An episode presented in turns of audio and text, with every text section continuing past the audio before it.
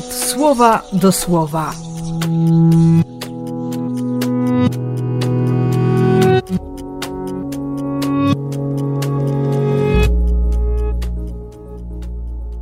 Dziewiąty września, sobota.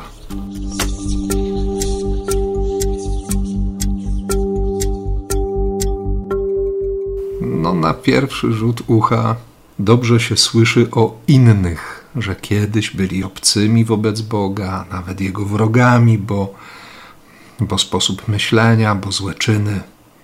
Tylko, że przy głębszym, poważniejszym i bardziej konkretnym rachunku sumienia to się okazuje, że, że i ja zbyt często jestem obcy, a nawet staję się wrogiem Boga przez sposób myślenia i moje złe czyny.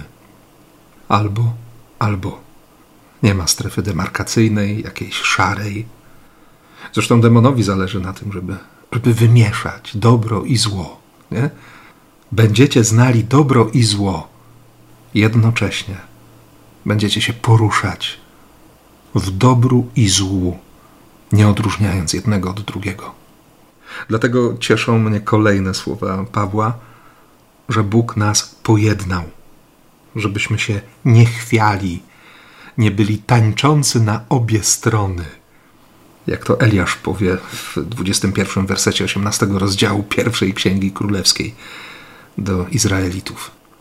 Jeśli mam nadzieję w słowie Boga, w tej najlepszej z wiadomości o tym, że jest ratunek dla mnie i jest zbawienie w Chrystusie, to mogę się trzymać tej nadziei.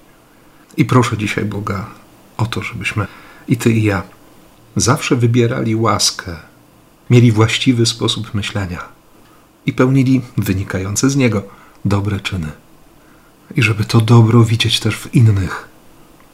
Nie być ślepym niewolnikiem przepisów, ale z Bożej perspektywy widzieć łaskę, żyć łaską, chcieć łaski dla innych i traktować ich jak swoich, których owszem, czasami trzeba upomnieć, pokazać właściwą drogę, ale nie być ich przeciwnikiem, tylko żyć eklezjalnie, wiedzieć, że, że jest wspólnota, że jest Kościół, który uczy mnie i w którym uczę się miłości.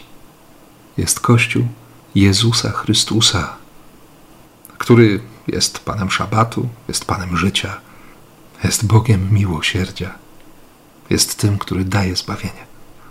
I tego zbawienia dziś życzę Ci i błogosławię w imię Ojca i Syna i Ducha Świętego. Amen.